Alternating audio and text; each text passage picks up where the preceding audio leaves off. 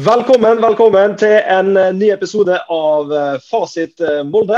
Her skal vi engasjere, irritere, hause og melde om Molde fotballklubb og andre nærliggende tema.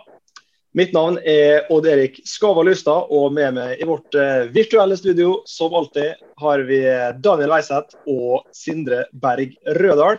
Velkommen skal dere være igjen.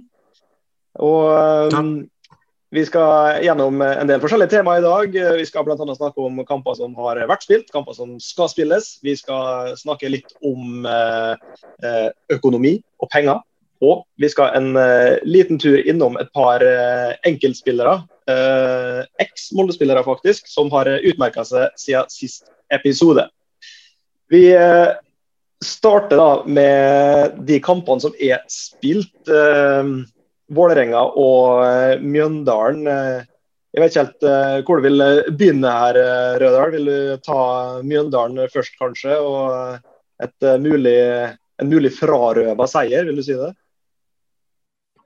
Nei, jeg skal Heldigvis er det en stund siden nå, så jeg har heldigvis glemt litt av det som skjedde. Heldigvis, for dette har vært to, to, grusomme kamper. Det har ikke vært den sesongstarten vi håpte på og trodde på. Men for å ta det med målet som var frarøva etter jeg skal si at jeg har sett det 25-30 ganger. Jeg kan fortsatt ikke si med sikkerhet at den ballen er inne.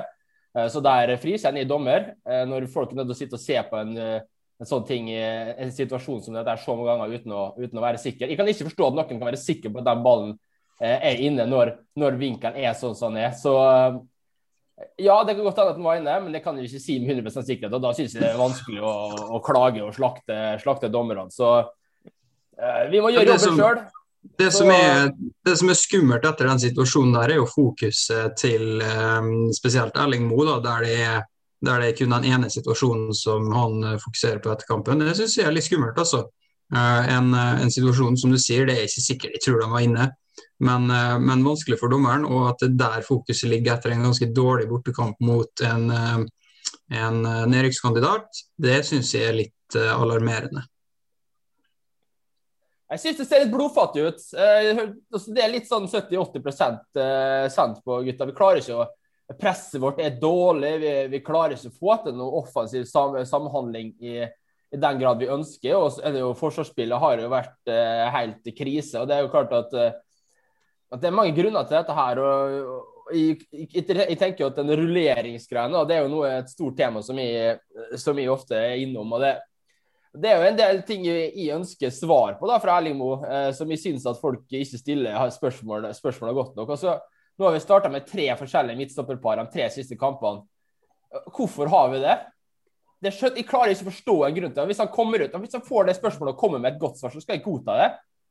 Men han må, stille, må jo stille spørsmålet hvorfor har du starta med tre forskjellige midtstopperpar det skaper jo ingen kontinuitet og stabilitet baki der. Og til og med på fjerdedivisjonsnivå så skjønner jo trenere at midtstopperparet der skal vi ikke gjøre store endringer uten at det er nødt til å gjøres. Og Det skaper en usikkerhet. Og ja, det, du kan godt si at Gregersen Bjørnebakk de har ikke vært gode. Og han og Erling Moe kanskje sitter og lurer på hva egentlig vi, hvordan skal vi sette opp dette her og prøve og feile. Men nå er vi altså kommet godt ut i sesongen. Det, det, og, og, Vi kan ikke holde på sånn til evig tid. Nå må han sette et midtstopperpar. Eh, for meg så har Sheriff vært god nå. Han må starte, og da, og da vil jeg at han skal starte sammen med Gregersen. Men da må han sette en midtstopperpar og slutte å rullere så mye. Og det, Dette jeg frykta med Erling Moe, for dette gjorde han i fjor også. For meg så handla det virka som at han rullerte for å rullere, for vi har en stor og sterk stall, og det har vi. Vi må bruke troppen. Men sånn som vi snakka om i fjor, med at spillere spiller en god kamp, og så blir de satt ut. Kristoffer Haugen skåret to mål. Neste kamp benken. Ikke kom og si til meg at Kristoffer Haugen var for sliten til å starte neste kamp. Han spilte med sikkert med masse overskudd fordi han hadde hatt en god opplevelse i kampen før. Rett ut. Og det er sånne ting jeg ikke forstår. Ja, Veiseth. Er du, er du enig? Ja, jeg er som regel enig med, enig med Sindre i mye av det han sier.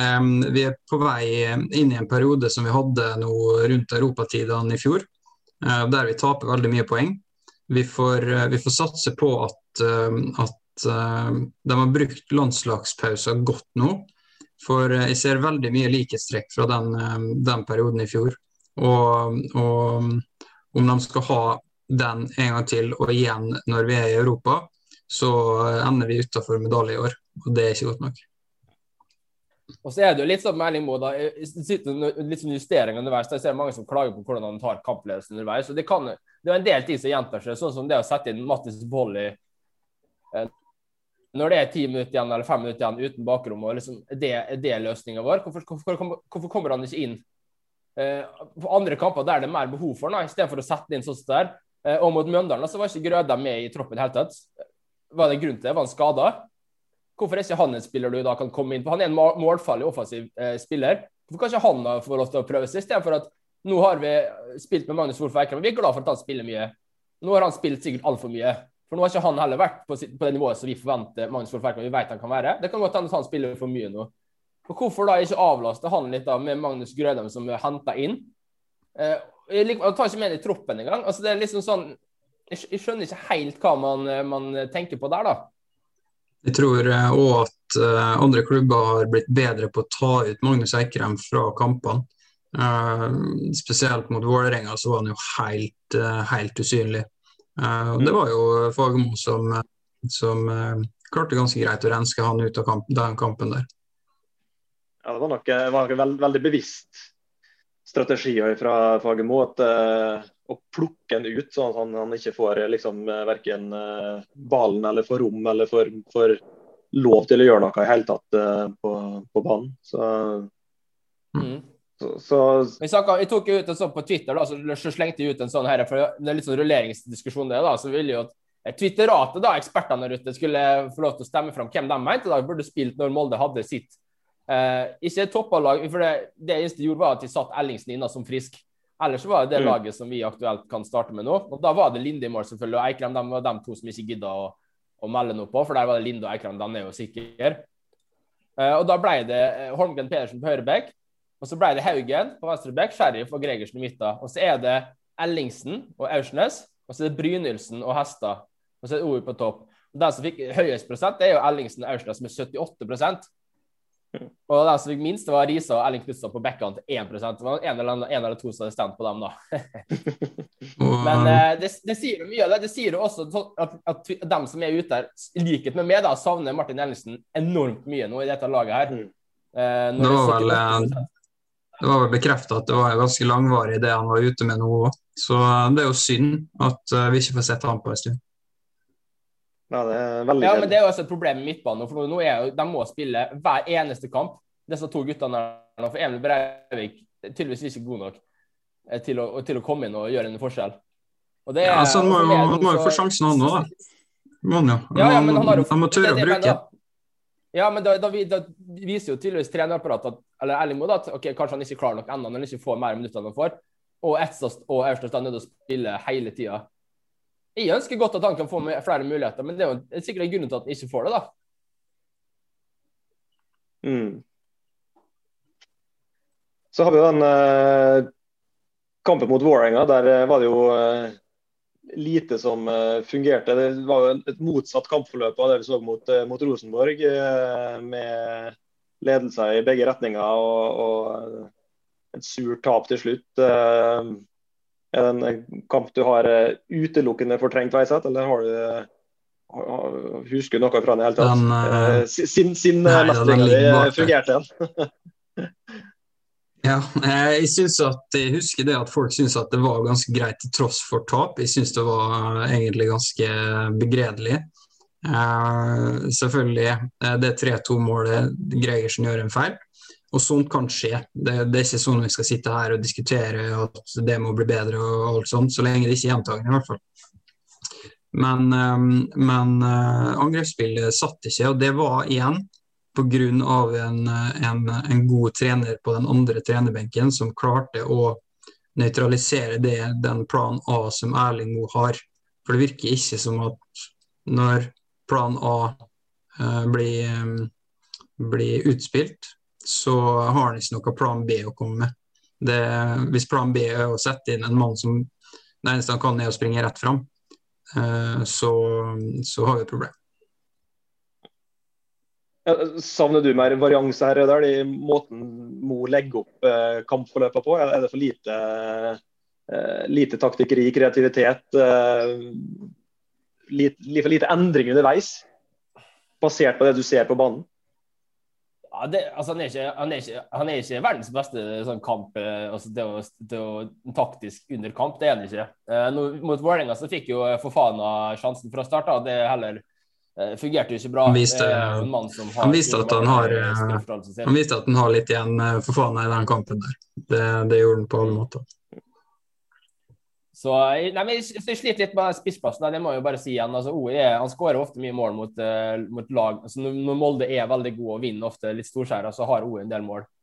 Men jeg, klarer ikke å se at OE er en spiller som på egen hånd klarer å, å vinne en kamp for oss. Og det, igjen, igjen, OE bare angrep. Altså, viser at dette tar feil, viser at dette tar feil. Nå er jo Bjørn Bergman Sigurdsson ute lenge. Uh, det sto at han skulle være klar igjen kanskje i slutten av juli. Uh, det blir det jo ikke. Da er det fort et par uker til, og så er jo halve sesongen over. Uh, og for faen er jeg tydeligvis ikke helt i, jeg, tror, jeg, altså, jeg, er ganske sikker på at Molde kommer til å gjøre noe i, i vinduet i sommer. OI kan fort dra ut, og da må Molde slå til med en, med en storspiss.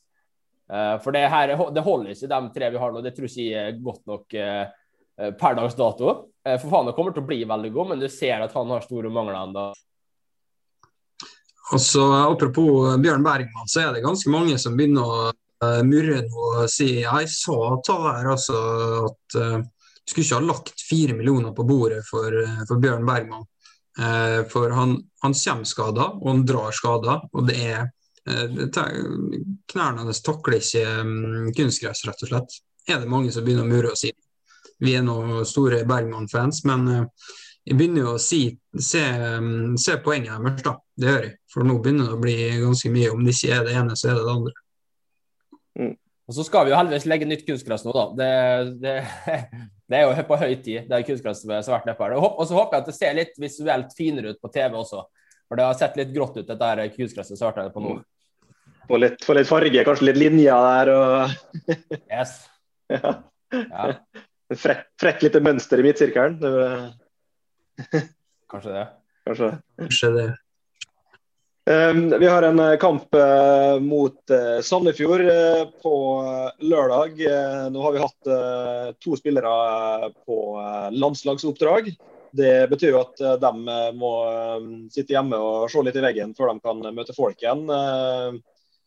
Aursnes og Gregersen, tror du begge likevel starter her, Veiseth? Eller tipper du at f.eks. Gregersen kan settes på benk til fordel for Bjørnbakk Sheriff?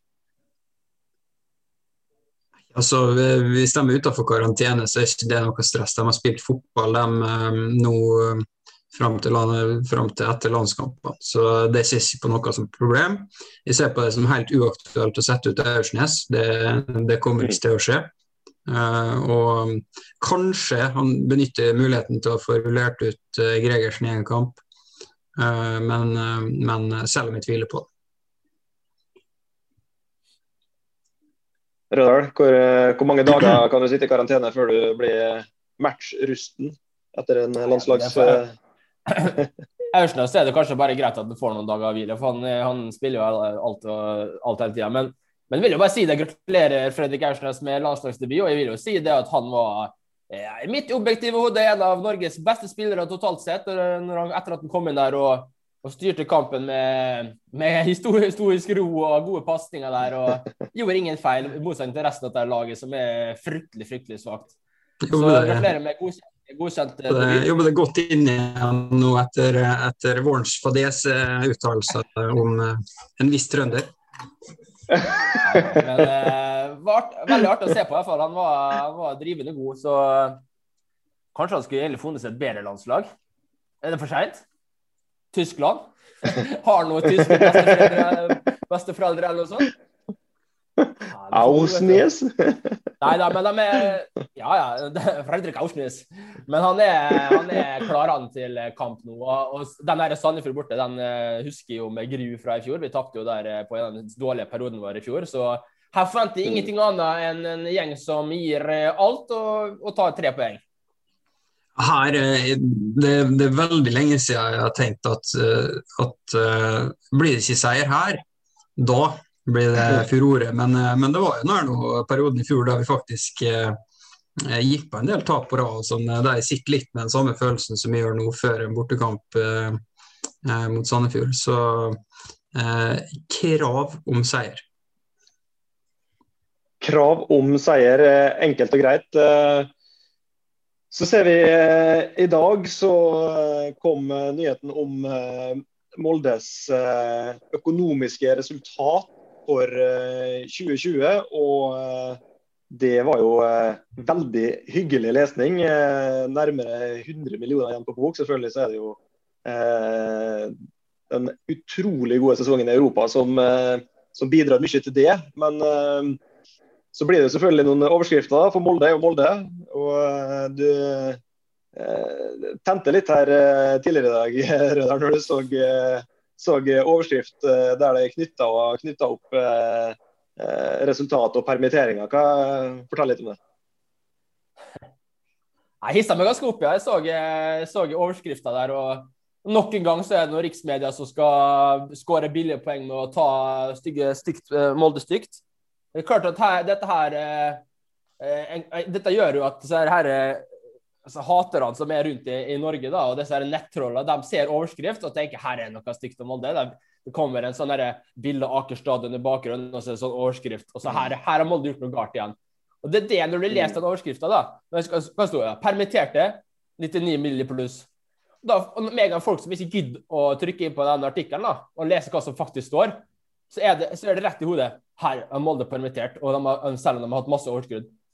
Og så visste ikke det at å ja, er det Lill Bendris eller er Gandalf som sitter på, økonomi, på kontoret på Aker stadion og ser i spåkula si og ser liksom frem i tid. Dere, og det er litt sånn Molde tjente masse penger i overskudd. De burde ikke permittert. Og så skal de sitte da i mars-april da, når de permitterte folk, og vite at de går videre til playoffen, og så videre til gruppespill i Europaligaen. Så går videre. Så får møte Arsenal hjemme. Eller først Arsenal hjemme, og så går videre i gruppespillet. Og så enda en runde mot Hoffenheim. Og Det burde Molde visst da, i spåkula si sammen med Gandalf, da. Og ikke permittert folk. For det, eh, det, er liksom sånn, det er sånn bedrevitere som skal komme i ettertid og si at Molde gjorde alt feil. Hva, hva visste Molde i mars-april før, når alle andre, det var ikke alle andre, men de fleste andre permitterte? Molde visste ikke hvor lenge dette her varte. Og så skal Molde få kritikk, da, for de, Molde tjente hva var de fikk i koronadisposisjon? 11 millioner. Og så, men av Eliteserien så fikk de åttende mest i Eliteserien. Og så får de selvfølgelig totalsum som er høyere enn de andre fordi at de har gjort det bra. Sportslige prestasjoner. Får møte Arsenal, spille Europa. Og så skal de kritiseres da, for at Molde tjener masse penger på egen innsats.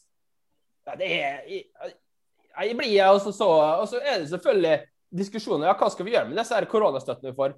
For min del hyller det hvis Molde da går ut med de koronapengene de har fått eh, i støttene. Og gir til vel det de får, man gir til bredden, gir til ansatte som dekker over lønna. deres. det, det spiller ingen rolle. Der kan Molde godt være en foregangsklubb og gjøre det. Men hva står i VG da, sikkert? Molde snur etter press kommer det til å stå da? Det kommer ikke til å stå at Molde går foran og gir til formålet formål eller et eller annet sånt. Det kommer til å stå Molde snur etter press. Men Molde har mm. gjort noe galt igjen. Det var jo, det var en ganske grei artikkel. da. Det er jo, det er jo kun, det kun overskrifta som er ille her. og Helt greie ja, ja. spørsmål. og Både han, eh, han økonomiansvarlig og, og, Stavrum svarer jo godt for seg. Så det som faktisk står der, er jo ikke så, så fryktelig galt. Men, men det, er jo, det er jo den overskrifta som er smurt over forsida til VG, som blir plukket opp av eh, Eh, ditt foretrukne sosiale medier, da Twitter, der er det mye gang? Ja, Der er, der er mye grevlinger som er ute, og ser. Jeg så det var mye diskusjon om det. Det var i hvert fall flere som hadde plukka det opp da, med, med klassiske, klassiske Molde-stikk og, og hurra meg rundt, som, som alltid. Men du, du, er litt inne på det. Molde fikk jo da 11 millioner i, i kompensasjonspenger. og vi ser jo i kan jo relatere til en annen bransje som vi følger ganske tett, og det er bilbransjen. Der eh, de har jo også eh, vist seg å ha et relativt godt år i 2020, sjøl om eh, alt var veldig rart og usikkert i, eh, i fjor vår. Men eh, vi ser jo det er veldig mange som velger å betale tilbake koronastøtte, fordi at eh, det har gått bra. det er så vidt jeg har klart å regne meg fram, så er det utdelt rundt 125-130 millioner til, til, norsk bilbransje. Eh, over 20 av de millionene er betalt tilbake. Og som du sier, Hvis Molde kan gå foran her med et godt eksempel, og ikke nødvendigvis gi det tilbake, men da kanskje dedikere det eller øremerke det til breddesatsing, til, til, lokale tiltak i Molde og omegn.